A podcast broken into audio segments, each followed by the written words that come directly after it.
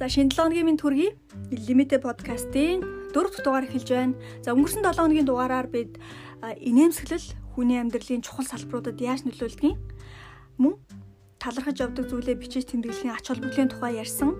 Тэгээ энэ подкастыг маш олоола бүгдээрээ сонссон байна. Тэгээд надад өөрсдийнхөө энэ подкастын тухай сэтгэлдээ илэрхийлдэг, өөрийнхөө туршлагыг хуваалцдаг, өөртөө суулгаж байгаа шинэ дадал зуршлынхаа тухай суулгад ярилцдаг ийм залуучуудаа маш их баярлалаа.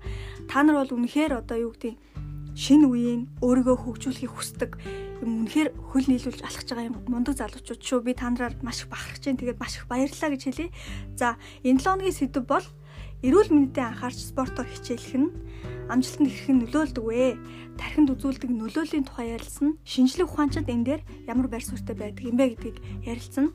За би подкаст болгондоо тухайн сэдвийн талаар шинжлэх ухаанчдын хийсэн туршил, байр суурийн тухай ингээ ярих дуртай. Яг л хүн тухайн зүйлийн далаар улс уртай мэдлэгийг нь олоод авсан тохиолдолд цаашаа өөрийгөө хөгжүүлээд явах магадлал нь өндөр байдаг байхгүй юу? Тийм учраас би аль болох зүгээр ингээрээ, тэгээрээ гэж хэлэхээс илүү шинжлэх ухаанчид одоо биднээс мундаг ийм судлаачид энэ дээр ямар байр суурьтай байдг юм бэ гэдгийг би танарт хэлэх дуртай. За ихэнх хамжилтын зөвлөхүүд буюу менторууд бие ирүүл байх юм бол тарих ирүүл гэж үздэг. Юу гэсэн үг вэ гэвэл биедээ анхаарал тавьдаг хүний тарих шийдвэр гаргах төвшөндөө зөв ажилтдаг гэж гэсэн үг байхгүй юу? Өөрөөр хэлбэл бие зэгцтэй бол бодол зэгцтэй, бодол зэгцтэй бол амьдрал зэгцтэй гэж үздэг. Энтэй би 100% санд нэгддэг. Бас шинжлэх ухаанаар батлагдсан байна. За бие эрүүл байхын тухайд дараах 3 зүйлийг хийвэл эрүүл амьдрал нь урт удаан аз жаргалтай амжилттай амьдрна гэдгийг хэн хөнгөө мэддэг. Нэгдүгээр дасгал хөдөлгөөн хийх, хоёрдугаарт эрүүл зөв хооллох, гуравдугаарт зөв нойртой байх, хангалттай нойртой байх гэдэг. За ямар нэгэн спортоор хичээлэх нь тархинд яаж нөлөөлдгийг, амжилтанд яаж нөлөөлдгийг гэдгийг ярихаас өмнө нойрны тухай нэг жоохон одоо цухас мэдээлэл өгье энэ их чухал. За нойр муута байна гэдэг бол сэтгэл мэдрэлийн талаас аваад үзвэл тархийг юм эмх самраагүй байдал оруулдаг. Тэг мөн таргалтын шалтгаан, за зүрх судасны өвчин гээд үр дагаврын жагсаалт бол ингээд дуусахгүй тийм ээ. Тэгвэл насанд хүрсэн хүн өдөртөө 7-оос 8 цаг унтах ёстой. Ингүүл бага стресстэй, амьдрал сэтгэл хангалуун байдаг, илүү эрүүл чирэг байдаг, бүтээл чадвар нэмэгддэг гэдгийг одоо тогтоосон байна л да. Тэгээ зарим хүмүүс юу гэдгийг 7 хоногт би үгүй өдөрт би 5 цаг унтдаг гэж ингэж хэлдэг. Энэ хангалттай гэж ингэж ярьдаг. Зарим хүн 3 цаг унтдаг гэж ингэж ярьдаг. Тэгтэл шинжлэх ухаанчид энийг үгүй гэж хэлж байна. Өөрөөр хэлбэл шинжлэх ухаанчид 7-оос 8 цаг унтаж байж одоо юу гэдэг хүний бие махбод эд эсүүд нь амрах бол шаардлагатай амралтаа авч шаардлагатай нөхөн төлжилж одоо юу гэдэг хүний биед орж байгаа энэ эсүүд чинь хүний биед байгаа эсүүд чинь зарим нь Хүний биед хийх үүргийг гүйцэтгэхэд дуусчихад зарим нь шинээр төлжиж ингэж ингэж яадаг.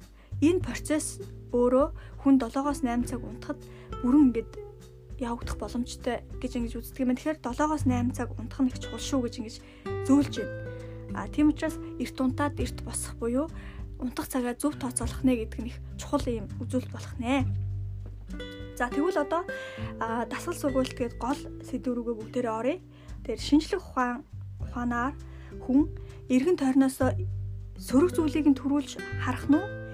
Эрэг боломжуудыг төрүүлж харах нь гэдг нь тухайн өдрийн хүний сэтгэл хөдлөл, сэтгэл зүйн байдлаас хамаархаас гадна физик биеийн чинь байдал ямархуу байгаа вэ гэдгээс шууд хамаардаг гэж тогтоосон байна. Өөрөөр хэлбэл бие чинь эрч хүчтэй байхад дагаад сэтгэл санаа өөдрөг байдаг. Түүнийг дагаад эргэн тойрноосоо эрэг, таатай нөхцөл боломж бүхнийг олж харах юмнууд нь илүү нээгддэг гэж ингэж үздэг юм байна. Тэгэхээр биеийг ирч хүчтэй байлгадаг биед энерги ирч хүч их өгдөг энэ зүйл бол ерөөсөө тасгал хөдөлгөөн.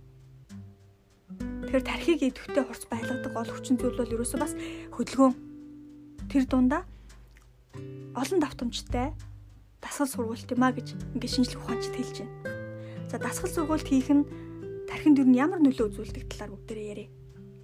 Тэгвэл нэгдүгээр юмыг хурдан сурах тогтоох, цээжлэх, түүнийг эргүүлээд санах ер нь уншсан мэдсэн зүйлээ эргүүл санах гэдэг чиг чухал үзүүлэлттэй. Гэх мэтчлэн одоо юм тархины чухал үйл ажиллагааг дэмжсэн эсүүд дасгалын ачаар тархин нэг ялгардаг юм байна. Дасгал хийх нь хүний суралцах чадварыг өөрөөр хэлбэл нэмэгдүүлдэг, бас стрессийг бууруулдаг гэж үздэг юм байна. Окей. За стресс өөрөө хүний тархины үйл ажиллагаа ерөнхийд ингээд сулруулдаг юм үйл үйл явц шүү дээ. Тэгээ та нар ингээд анзаарсан бах те. Орчин үеийн ингээ өөртөө анхаардаг ийм залуучууд бол стресссэн үедээ зааланд юм уу дуртай спортоор ингээ хичээлж тэр стрессийг гадагшлуулдаг ингээ болчиход байна л да. Нэг үед бол хүмүүс бол юу гэдэг нийтээр ингээ хэсгүүлгээрээ цуглаад арх ухч юм уу тийм байдлаар стресс юма тайлдаг гэсэн бол одоо бол хүмүүс шинжлэх ухааны үндстэйгээр тэр стресс гэдэг юм чинь дасгал хөдөлгөөн тайлт юм байна гэдэг ингээ ойлгодог болсон.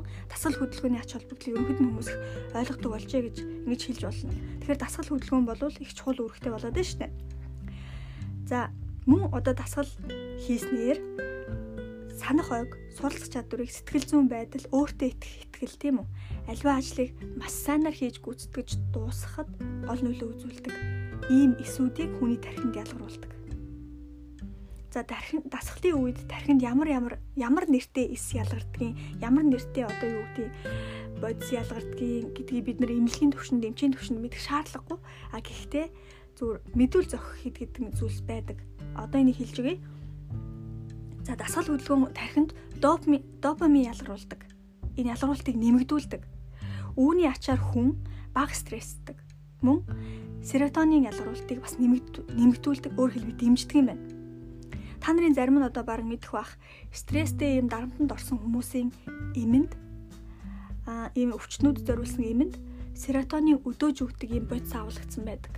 Өөрөөр хэлбэл серотонин хүний стресс бууруулдаг гэсэн үг. Тэгэхээр энийг байгалийн аргаар чиний тархинд серотонин ялгаруултыг нэмэгдүүлж өгдөг энэ гол хүчин зүйл бол дасгал хөдөлгөөн байдаг.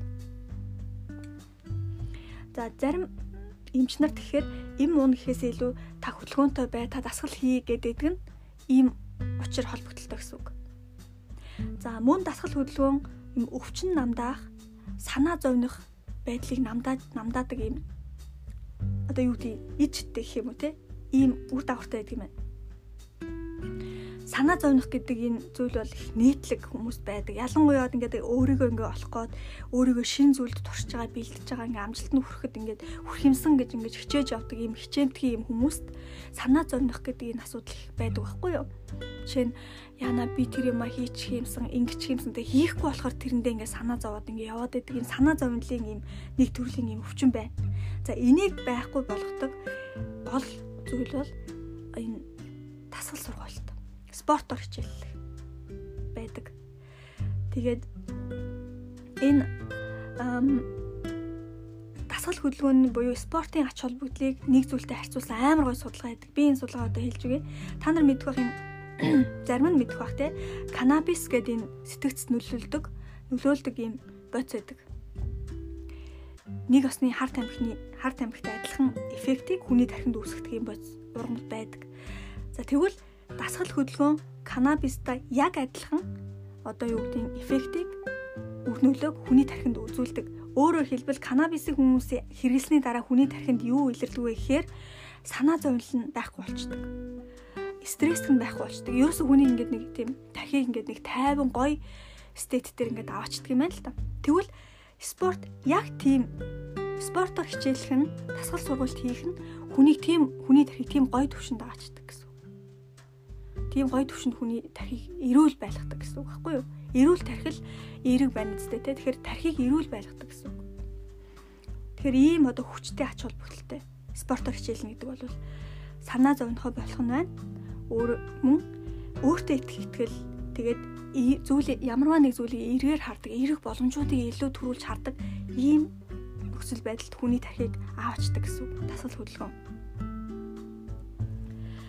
Тэгэхээр хэрвээ та ингээ санаа зовноод байгаа бол те ямар нэг зүйл ингээ санаа зовндаг ийм зовиртой болвол хүний бие чинь өөрөө ингээ шаардлагатай зүйлийг дотроос нь нэхэд идэг байхгүй ямар нэгэн санаа зовоол ингээ уур бухимдалтай яваад байна гэдэг чинь би чин цаанаасаа чамаас серотонин одоо нэхэд байна гэсэн үг.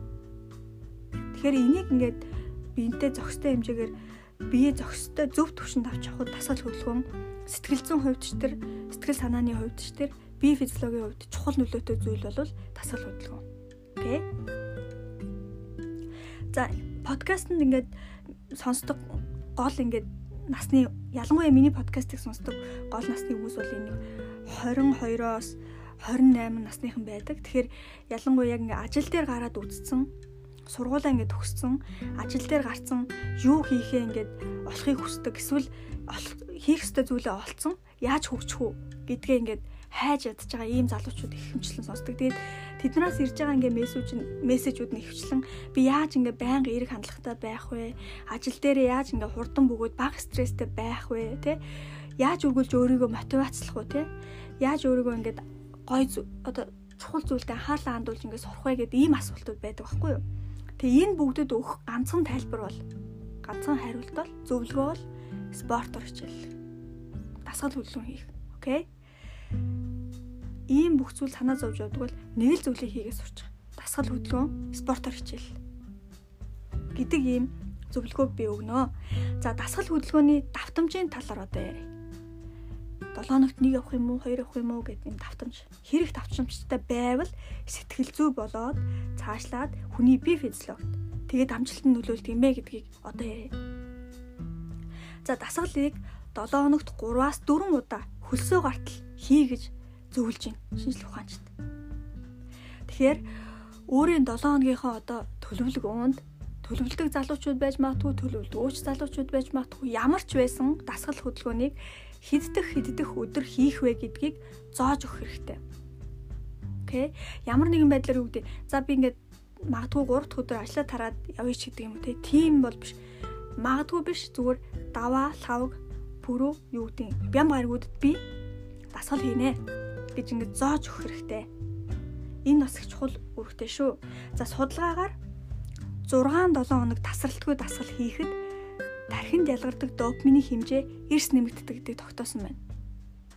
6-7 хоног тасралтгүй дасгал сургалт хийхэд допамин ихээр ялгарна гэдэг бол тархийг маш эергээр цэнгэлэхээс гадна ухаан шаардсан ажилд бага алдаа гаргадаг буюу таны тархины потенциалыг шийдвэр гаргах төвчний потенциалыг чинь эсвэл ухаан шаардсан ажлыг сайн хийхэд одоо тусалдаг өөрөөр хүний IQ-д бас нөлөөлдөг гэж тасгалыг бас үздэг байхгүй юу? За нэг гой судалгаа байдаг сонирхолтой.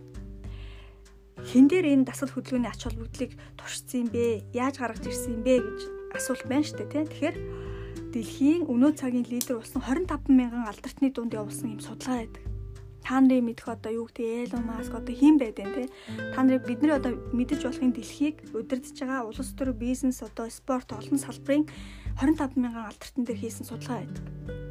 Тэгээ энэ 25 мянган алдартныхаа 5%-ийг бүр лидерийн лидер гэж ингээд үзсэн байгаа юм. За тэгээ ингээд нийлүүлээ судалгаа аваад үзсэн чинь тэр 5% буюу одоо дэлхийг удирдах байгаа тэр алдартай бүх салбарт удирддаг тэр лидерийн лидерүүд 7 хоногт 3 буюу түүнээс дээш удаагаар дасгал хийдэг. Спортоор хичээлдэг гэж хэлсэн байна. гэж хариулсан байна. А үлдсэн 95% нь 7 хоногт дасгал хийдэг. 3 нэгээс 3 хүртэлх давтамжтайгаар ингээ хийдэг гэж утсан бичсэн байна л да. Ямар ч гэсэн бүх дасгал сургуульд маш чухал спортоор хичээлнэ гэдэг бол маш чухал. Гэхдээ хэр давтамжтай вэ гэдгээрээ тэдний амжилт бас ялгарч байна гэдгийг шинжлэх ухаанчид бас хэлээд байгаа байхгүй юу? За хэрүү та нар 5% игнэрүү буюу нэгдүгээр төвшний тамирчнаар бол нэгдүгээр төвшний тамирчин байхыг хүсэж байгаа бол тийм байлдагчаар бол нэгдүгээр фронтын байлдагч бай гэж бод ингэж мөрөөдөж явдаг бол дасгал сургалтыг 7 хоногт спортыг 7 хоногт 3-аас 4 4-өөс дээш татамжтайгаар хийх нэ гэд ингэж ойлгоод авчаарай. За ер нь бол дасгал сургуулийн ач холбогдыг бид нар ерөнхийдөө ойлгож авлаа тийм үү. За хүүхдүүдийн хувьд аваад үзье. Хүүхдүүд дээр хийсэн судалгаа байдаг. Тэгэхээр хүүхдүүд дасгал ямар нэгэн байдлаар спортоор хичээлдэг хүүхдүүд спортоор хичээлдэг хүүхдээс IQ-гийн хувьд өндөр байдаг гэж тогтоосон байна. Тэгэхээр хүүхдээ ч гэсэн багаас нь спортоор хичээллүүлэх юм бол тохирсон спортоор нь тий хичээллүүлэх юм бол IQ тархиных нь одоо тий сэтгэн бодох чадварт нөлөөлөхөөс гадна тэр хүүхдийн нийгэмтэй харьцах, бусадтай харьцах гэд нийгмийн амьдралд нь тэг сэтгэл зүйд нь гол нөлөө үзүүлдэг шүү. Гол нь бас хүүхдийн сэтгэл зүй байдаг те. Тэгэхээр ямар ч байсан дасгал сургуультаар хүүхэд хөштгөө хичээллэх нь чухал байна гэдгийг бид нар ойлголоо. За ингээд дасгал сургуулийн ач холбогдлыг ерөнхийдөө ойлгочлаа тийм үү. Тэгвэл яг одоо ингээд подкаст сонсож байгаа за юунаас эхлэх вэ? Тэ өөрөө өөртөө ингээ өөрчлөлт хийх гээд юунаас эхлэх вэ гэд ингээд бүр ингээд сурах юмсангээ явж яддаг юм хүүхдүүд байдаг штэ тий залуучууд.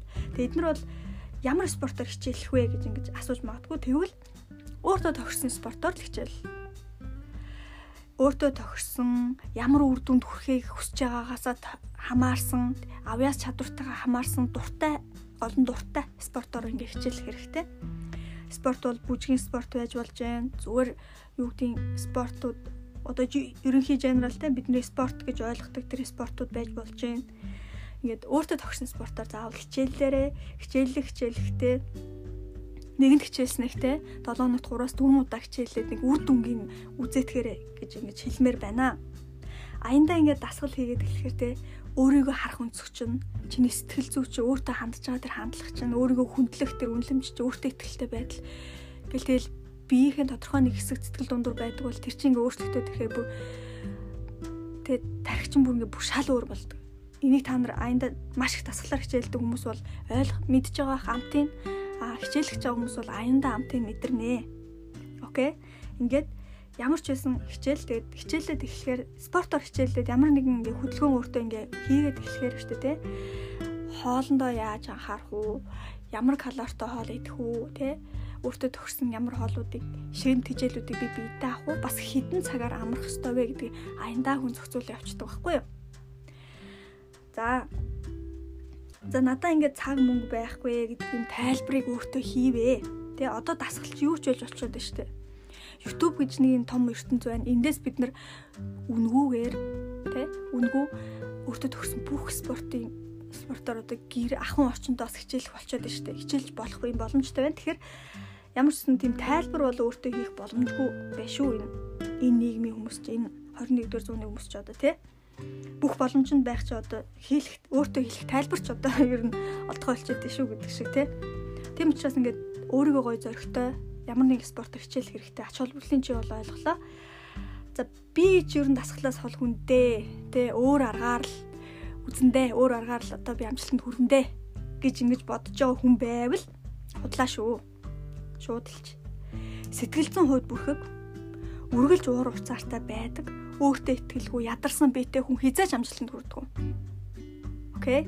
Хизээч тэмдэглэхгүй амжилтанд хүрдэггүй. Сүргийн нэг гишүүн байж болно хизээ сүргийн манлаа болтгүй гэж ингэж ойлгож болно, окей? Тийм учраас дасгал сургалт маш их чухал. Спорт хичээлэх маш их чухал сэтгэл зүйн хувьд зүгээр л чиний физ одоо бид нар зарим нь ингэж ойлгодог ш тасгалыг ингээл их турах тархалахын тухайд л ингээ ойлгоод байдаг. Гэтэл эн чинь чиний бүр ингээ сэтгэл зүй оюун ухаан сэтгэн бодох чадвар бүх зүйл нөлөөлдөг гэдэг ингээ ботхоор ямар чухал ач холбогдолтой гэдгийг чи өөрөө ингээ ойлгож байгаа хаа. За ингээд оюун ухаан сэтгэл зүйн хувьд хүчрэх байна гэдэг бол за дээр нь бие физиологийн хувьд тэ хүчрэх байна гэдэг бол зэгцтэй байна гэдэг бол маш олон зүйлийн эхлэл болдог маш том тэмдэглэхүй замжтанд хүрэхийн том суурь болдог шүү гэдгийг би та нарт ер нь подкаст болгонороо хэлдэг. За ингээд энэ удаагийн подкасттай хамт байсан та нартаа баярлалаа. Нэгдүгээр фронтын тэ байлдагч баймаар байгаа бол нэгдүгээр төвшний тамирчин баймаар байгаа бол нэгдүгээр төвшний ялагч баймаар байгаа бол өөртөө л ажиллах хэрэгтэй шүү. Сэтгэл зүйн хувьд, бие физиологийн хувьд, уурах тархиныхаа хувьд, оюуны потенциал, мэдлэг мэдээллийнхаа хувьд нэгдүгээр төвшний хүн байх хэрэгтэй. Ингийн тулд байна шүү дээ. Эхлээд хүн өөртөө ажилладаг. Эхлээд хүн өөрийгөө олдог. Эхлээд хүн өөрийгөө ажиглаж хин бэ гэдгээ тодорхойлдог. Бүх төвшөнд биеийн төвшөнд, сэтгэлийн төвшөнд, оюун бодлын төвшөнд. Окей. Тэгэхээр өөртөө анхаарал хандуулаарай. Ерөөсөө өөртөө л цаг гаргаж байгаагаар гэж хэлмээр байна. Ингээд та нартаа шинэ 7 хоногт нь бүгдэнд нь амжилт хүсье. Шинэ 7 хоногийн ирч хүчтэй сайхан өнгөрүүлээрэ. Ингээд бас подкасттай холбоотой сэтгэлгээ үлдээж болно шүү. Баярлалаа. Баяртай.